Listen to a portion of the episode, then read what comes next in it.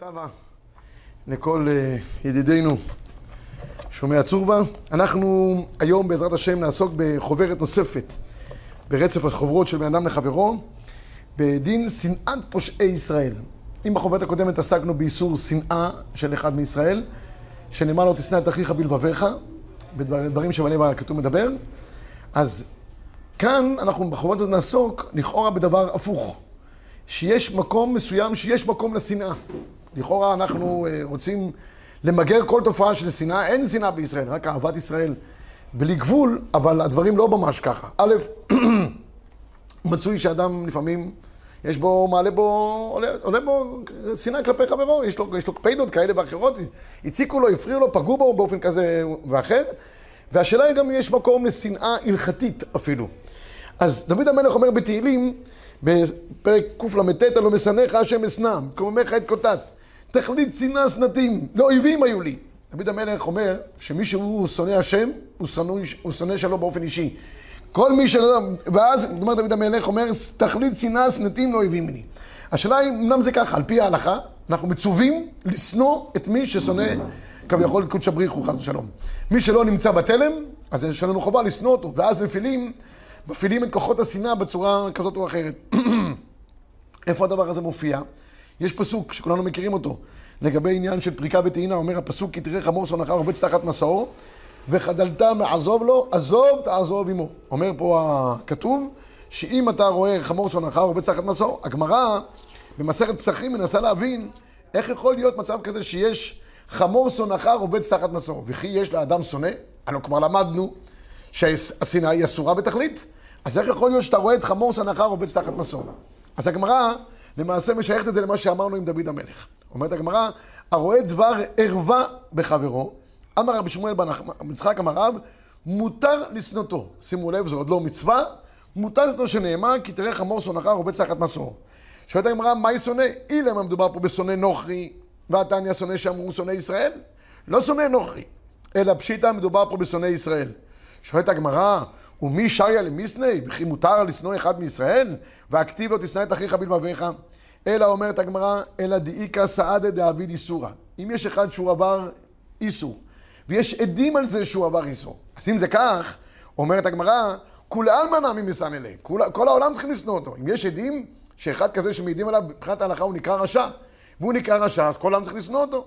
אלא אומרת הגמרא, לא, לא מדובר במצב כזה. אלא כי גבנה.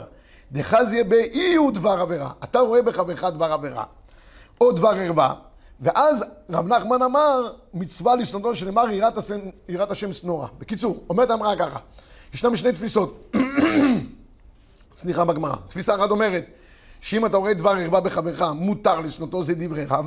שמואל אומר, במקרה כזה, רבי נחמן יצחק אומר, מצווה לשנותו. אז אם יש אדם כזה, שהוא, אתה, באופן אישי, זה כל הפשט של הפסוק. כי תראה חמור שונאך רבת הרמב"ם. מה מדובר פה? לא מדובר בנוכרי, זה בלתי אפשרי. לא מדובר באחד שהוא ידוע כשעובר עבירות, שכל הציבור יודע ממנו כי העידו עליו עדים מבית דין, זה גם לא מדובר. מדובר על אדם בודד, שרק אתה בלבד יודע שהוא עובר עבירות, אז אתה שונא אותו, ואתה חייב לשנוא אותו לפי, לפי, לפי דברי רב נחמן בר יצחק, מצווה לשנוא אותו, וכאן התורה אומרת לך, נו, כי תראה חמור שונאך, ואז אכלת עם עזוב לו, עזוב תעזוב עמו. אז לכאורה מצאנו שיש מקום לשנאה של רשעים בעולם, ולא רק מקום, יש לזה אפילו מצווה, לפי דעה מסוימת. בואו נראה את דברי הרמב"ם, הרמב"ם בהלכות רוצח. כותב כך, השונא שאמרו בתורה הוא מישראל. לא מאומות העולם. איך יהיה לישראל שונא והכתיב לא תשנא את אחיך בלבביך. אמרו חכמים, כגון שראו לבדו שעשה עבירה, והתורה והתרע בו ולא חזר, הרי זה מצווה לשנותו. עד שיעשה תשובה ויחזור מראשו. הרמב"ם גם פוסק שאחד כזה שעובר עבירות ולא חוזר בו ואתה מתרה בו, מצווה לשנותו. הנה, יש לנו לכאורה מקום שאנחנו יכולים לבטל את השנאה שלנו באחד שהוא... לא. זאת אומרת, יוצא מדברי הגמרא פה, ששנאה באופן אישי בין אנשים לא שייכת ולא קיימת. אין דבר כזה. בגלל שהפריעו לך, הציקו לך, לא יודע מה, זה אין, אין שנאה פרטית. אם יש שנאה, היא רק שנאה לשם שמיים. זה מה שאומר הפסוק. יראת השם, שנות רע. אתה, יש לך יראת שמיים אמיתית, שנא את הרע. כי מי שלא שונא את הרע, כנראה הוא פגום ביראת שמיים שלו. מצוין? אז זה חלק מעניין של יראת שמיים, זה לא חלק מעניין של שנאה אישית, כי אין שנאה אישית בישראל. החינוך גם הלך בעקבות הרמב"ם, וגם פוסק שבשנאת הרשעים אין בו איסור, לא רק שאין איסור אלא מצווה לשנותם, אחר שנוכיח אותם על חטאם הרבה פעמים, לא רצו לחזור בהם, שנאמר הלא משנאיך השם אשנא ומתקוממך את קוטט. מצוין. מעניין מאוד שהרמב"ם הביא לכאורה אה, פסוק של יראת השם שנות רע, והחינוך חזר לפסוק שבו פתחנו, של אה, הלא משנאיך השם אשנא ומתקוממך את קוטט, תכלית שנאה שנאתים. יפה. עכשיו, אנחנו צריכים להבין פה דבר, דבר, אה, דבר חשוב. אם באמת מדובר פה במצב שבו אני רואה את חמור שונאי רובץ תחת מסור, אז איפה הדבר בא לידי ביטוי באופן מעשי? אני תמיד אומר שהביטוי בא באופן מעשי, אתה מכיר אדם שהוא עובר עבירות באופן כזה או אחר, תכף נראה אם יש כזאת מציאות למעשה, ואתה רואה אותו בדרך, יש לך מצד אחד האוהב שלך, מצד שני השונא שלך, וההבדל ביניהם, שהאוהב הוא מבקש לפרוק את בהמתו. לפרוק מטען זה תמיד יותר דחוף מאשר לטעון מטען. ולמה? אם ניקח בעלי חיים, בפריקה יש עניין גם של צער בעלי חיים. הבהמה סובלת. בטעינה, בהמה אין עליה כלום, תעזור לו. זה רק מדין עזרה לאדם. פה זה גם עזרה לבהמה, יש פה מצב כפול. במצב של פריקה אתה עוזר לאדם, אתה עוזר גם לבהמה. במצב של טעינה אתה עוזר רק לאדם בלבד. הבהמה, אדרבה, כמה שפחות תטען עליה יותר מאוחר, היא יותר מבסוטה, הבהמה. אז אומרת לנו התורה, אוהב לפרוק ושונא לטעון, כך אומרת הגמרא, מצווה בשונא, כדי לחוף את יצרו. אנחנו מדלגים על דין צער בעלי חיים, אכפת לנו יותר מהבריות, ותמיד שיש צער בעלי חיים לעומת הבריות, הבריות קודמות, אז אם אנחנו יכולים לקוף את יצרנו ולטעון אצל השונא, זה עדיף מאשר פריקה אצל האוהב. למה? ככה. כי אנחנו רוצים שאדם יקוף את יצרו. נדמה לי זה אחת הפעמים היחידות שהגמרא אומרת שאדם צריך לעבוד על יצרו ממש. זאת אומרת, יש לך מצב של אה, התלבטות פנימית, והתורה אומרת לך תעבוד. ואני חושב שאין מצב שבו האדם, יותר קשה לו לעבוד על יצרו, מאשר דברים שבין אדם לחברו. בן אדם במקום, להתגבר לא לאכול דברים האסורים, לא צריך הרבה כוחות נפש. זה ברור, נולדנו עם זה, זה פשוט. אדם אף פעם לא נוגע בדברים האסורים, חס ושלום, אף פעם אדם, אין לו יצר אורי. אם הוא שומר שבת מילדותו, והוא לא, אין לו מאבק לעשן סיגריה או לא, כי הוא לא, שבת זה שבת, קודש, לא צריך איזו התגברות הכוחות כדי לקוף את יצרו לא לעשן סיגריה בשבת, חס ושלום. אבל בדברים שנוגעים לבין אדם לחברו, או-הו, הצדיקים הכי גדולים, שם הם צריכים הרבה עבודה. כי מה שנוגע באופן פיזי בין אנשים, שם יש את הקפדות הכי גדולות. ושם הגמרא אומרת, מצווה לאדם כדי לקוף את יצרו. תוספות, בפסחים אומר, שראה בו דבר רבה. ואם תאמר, אלו מציאות אמרין לנו, אוהב לפרוק שונא איתו מצווה בשונא כדי לקוף את יצרו. ואשתא, מה כפיית יצר יש?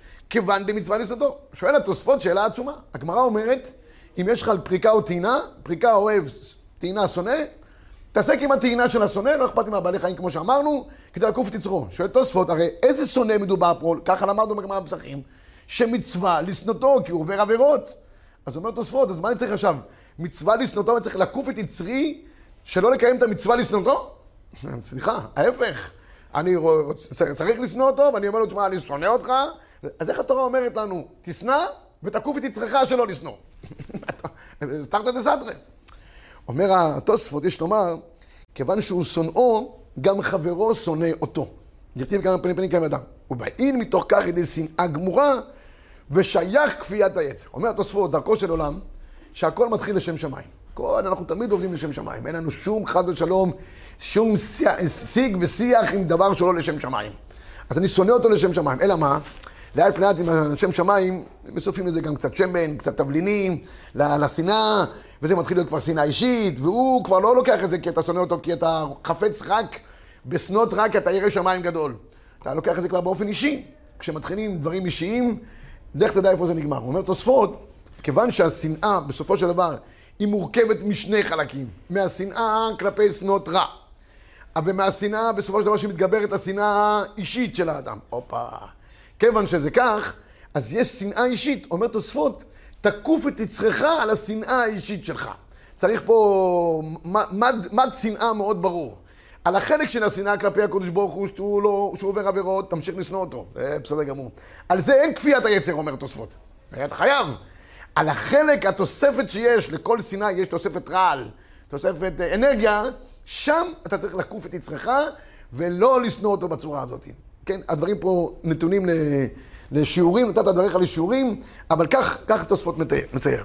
הרב חיים דוד הלוי, בשו"ת עשה לך רב, מביא הגדרה נפלאה ביותר. האמת היא שלא כל כך מסתדרת עם כל המהלך שאמרנו, אבל הוא מגדיר את זה בצורה הזאת. הוא אומר שכל ההגדרה של שנאת אנשים שהם לא מדרך התורה, זה לא מצב שבו אני צריך לשנוא אותם, אלא אני צריך בשבילי להתרחק מהם. הגדרת השנאה היא לא שנאה אקטיבית של דחייה מהם, אלא פשוט ליצור לעצמי כל מיני סייגים. אם אני לא יאהב את מה שהם עושים, נדמה לי קצת אפשר להוסיף לזה את הבחינה שהגמרא אומרת במסכת ברכות, של איתם הוא חטאים ולא חוטאים. אני שונא את מה שהם עושים, אותו באופן אישי אין לי שום דבר איתו. אז ממילא, אומר, אומר הרב חיים דוד הנביא, זה ההגדרה, מעתה יובן למה התורה התעלמה ממצווה של שנאת הרשע. הוא שואל, למה התורה לא כתבה במפורש? שנא את הרשע. למה זה הגיע, הגיע בהבלעה, כי תראה חמור שונאך רובץ תחת מסור? אז הוא אומר פשוט, משום ששנאה שרמזה היא מצומצמת ומוגבלת. ויודע הקדוש ברוך הוא נפש האדם ומניעיה, שבהיתר כלשהו יגיע לשנאה גמורה אסורה לחלוטין. לכן העלימה תורה דבר זה והסתפקה ברמז בלבד. ומהי השנאה? התרחקות והסתייגות בלבד. זה כל העניין. תשמעו, זה דבר שהוא טוב יפה, אבל זה לא בדיוק הפשט. כי הגמרא כבר דיברה על חמור שונאך, שאתה שונא אותו באופן אקטיבי, ובטח בגלל שהגמרא אומרת כי הוא עובר עבירות כאלה ואחרות. לא כל כך ברור בפשט איך הוא אומר, אבל בהגדרה, זו הגדרה יפה מאוד. זה לא שנאה אקטיבית, זה שנאה שהיא התרחקות וסייג. ואני אגמור בדברי המגן אברהם את החלק הזה. המגן אברהם אומר שלכאורה זה מחלוקת ראשונים בין התוספות לבין הנימוקי יוסף. המגן אברהם כותב בקנ"ו, מצווה על כל אדם לאהוב כל אחד מישראל כגופרו שנאמר ואהבת לרעך כמוך. ודווקא רעך בתורה ובמצוות. אדם רשע שאינו מקבל תוכחה, מצווה לשנותו. ומשמע בתוספות, דאפילו אחי, מצווה לטעון עמו כדי לקוף את יצרו שלא יבואו לידי שנאה גמורה. כמו שביארנו בתוספות, ישנם שני חלקי השנאה. שנאה בסיסית, שאתה שונא את מה שהוא עושה כלפי קודש הבריחו, ואת התוספת של השנאה האישית, תיזהר מזה, לא להיכשל בזה, ובזה גם תקוף את יצרך, לעבוד על החלק הזה. אבל מביא המגן אברהם נימוקי יוסף, שחולק על התוספות. אומר הנימוקי יוסף, הפך מזה, הם כתבו התוספות, וכן פסק רמה בחושן משפט. מה זה הפך מזה? אני קורא לכם את הנימוק יוסף, פתחתי אותו בפנים, למי שיש את החוברת, אז יכול לראות בפנים את הנימוק יוסף, פתחנו אותו פשוט כדי שנראה אותו. אומר הנימוק יוסף, כדי לקוף תצרו, כתב הרמב"ן, דלאו היינו שונא דקרא, דאו כמי פרק צרכים, כגון דחזה בדבר ערווה, דמצווה לשנותו. ולמה קוראים צרו? אלא אחא בשונא דעלמא עסקינן, דוד באיסורא כיסן אלה. אומר הנימוק יוסף כך, תקשיבו טוב. אם זה שונא שמצווה לשנותו על פי ההלכה, כי הוא עובר דבר ערווה או דבר עבירה, שם התורה לא אומרת לך לקוף את יצרך. שנא אותו וקיפשו אותו ונגמר העניין, אין משחקים. מצד אחד אני צריך לשנוא אותו, מצד שני צריך לקוף את יצרו. לא כמו שטוספות אומר לנו, מבלבל אותי, אל תתבלבל. מי שלא עושה את רצון השם, שנא אותו נקודה. יישא? אתה צריך לעזור לו בטעינה? אל תעזור לו גם. אל תעזור לו. הוא מצווה לשנתו. פה מדובר, אומר הנימוק יוסף, בדבר שהוא לאחר מעשה. כבר עברת עבירה. ואתה כבר שונא מישהו, באופן אישי, לא קשור בכלל למצווה מצוות. כאן התורה אומרת לך, אוקיי, אל תוסיף עוד שמן לעבירות שלך, כבר שנאת אותו, תקוף את יצחך ותעזור לו. אז אם כן, נמצאנו מחלוקת ראשונים גדולה מאוד. לפי התוספות, יש רק אופציה אחת לשנאה. רק מי שכלפי קודש הבריחו, ושם לעקוף את יצרו. המגן אברהם אומר, לא, אדוני היקר. מי שאתה שונא אותו על פי דין, אל תעזור לו גם. תרחק ממנו, נגמר. שנאה, שנאה, שנאה זה שנאה. מה, אתה עושה משחקים? אבל אם יתגלגל לידך דבר עבירה, שבסוף אתה שונא מישהו מישראל, ונקלעת לסיטואציה שבה הוא צריך ממך עזרה, אל תעשה עוד עבירות, תעזור לו. וזה מצווה בשונא לטעון. כך אומר הנימוק כסף. האמת היא שהמחלוקת הזאת הגיעה למחלוקת מחבר וערימה. בשולחן ערוך בסימן רע"ב, המחבר כותב פוגע בשניים, מצווה לפרוק תחילה משום צער בעלי חיים, אחר כך טועה, באמת דברים שהיו שניהם שונאים ואוהבים. אבל אם היה שונא ואחד מצווה מצווה לזה, כדי לקוף את יצרו הרע, זה המחבר. והרמ"א כותב, ודווקא בשונא דעלמא, דלא אביד איסורא, אבל אם אביד איסורא ושונאו משום שעבר עבירה, אינו צריך לתת יצרו, דעה יפה עושה ששונאו. בדיוק הנימוקי יוסף, גם במקורות פה. המקור לדברי הרמ"א זה נימוקי יוסף. אם זה אחד שאתה צריך לשנוא אותו כי הוא עושה עבירות, יפה עושה ששונאו, אומר הרמ"א, בלי להתבלבל בכלל. נמצא במחלוקת התוספות והנימוקי יוסף זה מחלוקת המחבר והרמ"א, ואז כנראה שלמעשה מחלוקת בין ספרדים לבין האשכנזים. לספרדים אתה לא יכול אה, לשנוא, אין אחד כזה שאתה יכול לשנוא אותו, אין, אין מציאות, אדם לא מגיע למצב כזה חד ושלום. אתה יכול רק להגיע למצב לשנות מישהו באופן של יראת שמיים, וזה יכול להתגלגל הלאה. אצל האשכנזים יכול להיות מצב שיהיה שנאה אישית, יהיה כזאת מציאות. כך בכל אופן יוצא, לפי המחבר והרימה, על פי מחלוקת הראשונים. טוב, עכשיו, אנחנו אה, ניגע עכשיו בלמייסה. האם באמת היום בלמייסה יש אנשים שמצווה לשנותם כי הם לא עושים את רצון השם, וזה מה שהפויסקים כותבים, התוספות ועוד, שזה האנשים שמצווה לשנותם. האומנם יש אנשים כאלה היום בדורנו? אז כאן ניגע למהלך שאנחנו תמיד אוהבים להביא אותו, איך אנחנו מתייחסים היום לאותם אנשים שהם נקראים, תקראו לזה פושעי ישראל, או אנשים שלא מקיימים תורה ומצוות, או שיש להם כיפה שקופה, כל הדברים של האם אנחנו נמצאים גם במצב של הלא משנאיך, השם אשנא ומתקוממך את קוטט. בואו נברר את הנקודה הזאת. המאירי, נתחיל בדברי המאירי. המאירי אומר, לעולם לא תהא שנאת אדם מונעת אותו מלהיטיב לחברו, בכל מה שאפשר לו. אומר המאירי, וזה מסדר את שני הראשונים שאמרנו, לעולם אדם, גם אם יש לך מצב שיתפתח לך שנאה, מאיזושהי סיבה, כלפי קודשא בריחו באופן אישי, תמיד תיטיב עם האדם. למה אומר המאירי? אומר, תראה את הקודש ברוך הוא, כמה אנחנו מכניסים לפניו, וכמה הכניסו לפניו, הקודש ברוך הוא לא רק שלא התרחק מהם, אלא היטיב עמהם. הוא אומר, הנחש, הכניס הקודש ברוך הוא, מה נתן לו מזונות בלי סוף? עפר תאכל כל ימי חייך. אה, הוא מציין פה המאירי עוד הרבה אנשים שעשו לא רצון השם. הקדוש ברוך הוא במקום לרדת לחייהם, הוא אומר, האדם לעומת זאת, אם מישהו כבר פגע בו, הוא יורד לחייו עד הסוף. קודם כל, אדם צריך ביסודו מיטיב עם האחרים, נקודה. מה קורה אבל באמת עם אנשים בני זמננו? הרמב"ם פעמיים מחלק בין שני סוגי אנשים שמכניסים לפניו יתברך. אחד, זה אנשים שנקראים טועים, והשניים הם בני הטועים. הטועים, אלה שהם במודע, רוצים לעקור את התורה ויסודותיה. בזמן האחרון גלו כל מיני תופעות כאלה ואחרות, שיסודם של הדברים של אותם קבוצות, שאנשים רוצים לקעקע את יסודות התורה. זה מטרתם, לא אכפת להם בכלל מהקודש ברוך הוא. הם נקראים הטועים. אלה שנולדים לתוך הסיטואציה של כל מיני תופעות של אה, אי רצון השם, רובם ככולם הם תינוקות שנשבו, כי הם נקראים בני הטועים. הם גדלו לתוך מצב, הם לא באו וחידשו פה איזשהו מהלך, הם ידעו ועשו לאחיס כדי לקעקע דברים, פשוט. אנשים גודלים במקומות כאלה ואחרים, ושם הם רואים כל מיני תופעות, הם מבינים שזה דבר המובן מאליו, ההפך. הדתיים נראים להם מוזרים. איך הוא לא נוסע בשבס? איך הוא מקיים עונג שבס? זה נראה להם מוזר? אז במקרה כזה אומר הרמב"ם, בני הטועים הם תינוקות שנשבו, ולא חל עליהם כל הדינים של, של פושעי ישראל. אני רק אקרא משפט חריף מאוד של הרמב"ם. אומר, אומר הרמב"ם, אף על פי שאותם אנשים, בני הטועים, שמעו אחר כך שהוא יהודי וכולי, ראה יהודים ודתם, הם יודעים שיש שבת, יודעים שיש כשרות, אבל הם לא גדלו ככה. הרי הם כאנוסים, שהרי גידלו אותם על טעותם. כך אלו שאמרנו, האוחזים בדרכי אבותם, הקראים שתראו, לפיכך ראוי להחזירן בתשובה, למושכם בדרכי שלום, עד שיחזרו לאיתן התורה. ככה הרמב"ם גם חוזר על הדבר הזה גם מפירוש המשניות, וזה ידוע. ומכאן הגענו גם לשו"ת בניין ציון, שמביא אותו ערוך לנהר, שהיום למעשה יש ראייה אחרת לגמרי לכל אלה שאני אומר מחללים, מחללי שבת בפרהסיה. הרי לכאורה מחללי שבת בפרהסיה נחשב כעובד עבודה זרה על פי הגמרא בחולין דף A. ובכל אופן, מחדש הבניין ציון, והרבה הלכו בעקבותיו, אני חייב לציין, שאולי המושג הזה של נקרא היום מחלל שבת בפרהסיה, הוא לא בדיוק המונח ההלכתי שהתכוונה אליו הגמרא. למה? כי פרהסיה, על פי הגמרא בסנהדרין, בסוף פרק שמיני שם, זה עשרה מישראל.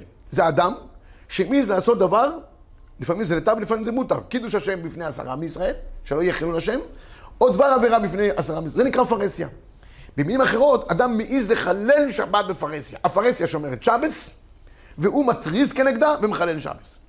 היום, רוב רובם של המחללי שבת בעוונותינו הרבים, אין להם מטרה לקעקע את השבת. ההפך, לפעמים זה נראה להם יום מנוחה, יום סוציאלי, זה דבר שהתורה חידשה בעולם.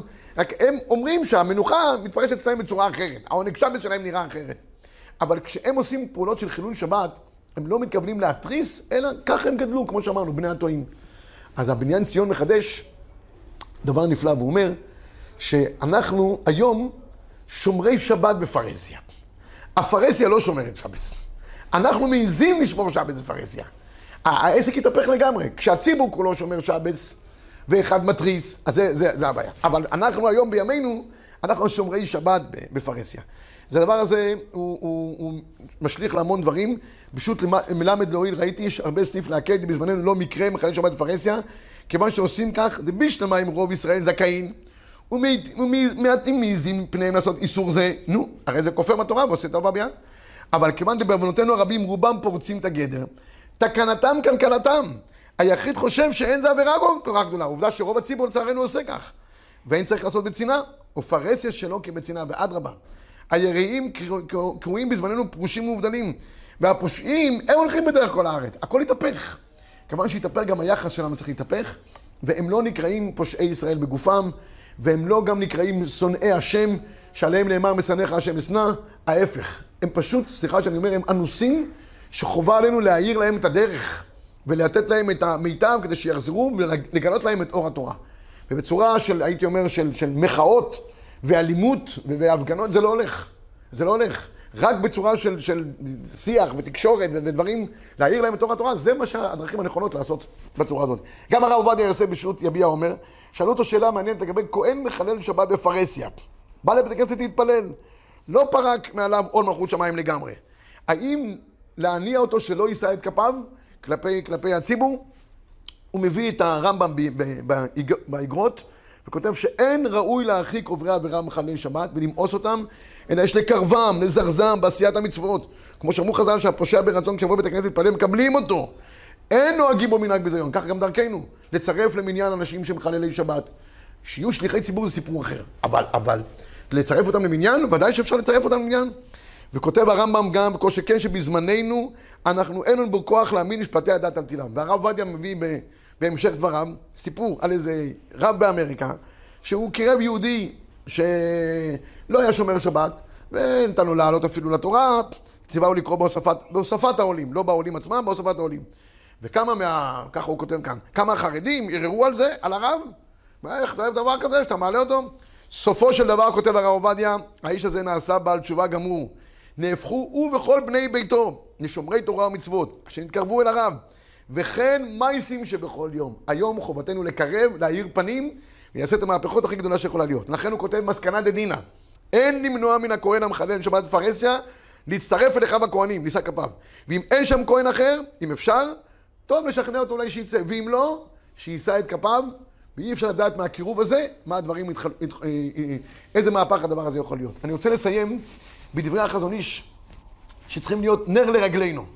בהתייחסות שלנו לאותם אנשים שעוד לא זכו להתקרב בתורה ומצוות, ולכן אני רוצה להגיד בסיום השיעור, אם פתחנו את השיעור בפסוקים בתהילים, משנאיך השם אשנא, תכלית שנאה שנאתים כי אויבים היו לי, היום הם לא נחשבים כאויבים וכאלה, כשנואים, כי בסך הכל הם צריכים רק התייחסות אחרת בגלל מצבם ואיפה שהם גדלו, וכמו שאומר הרמב"ם, אנוסים הם.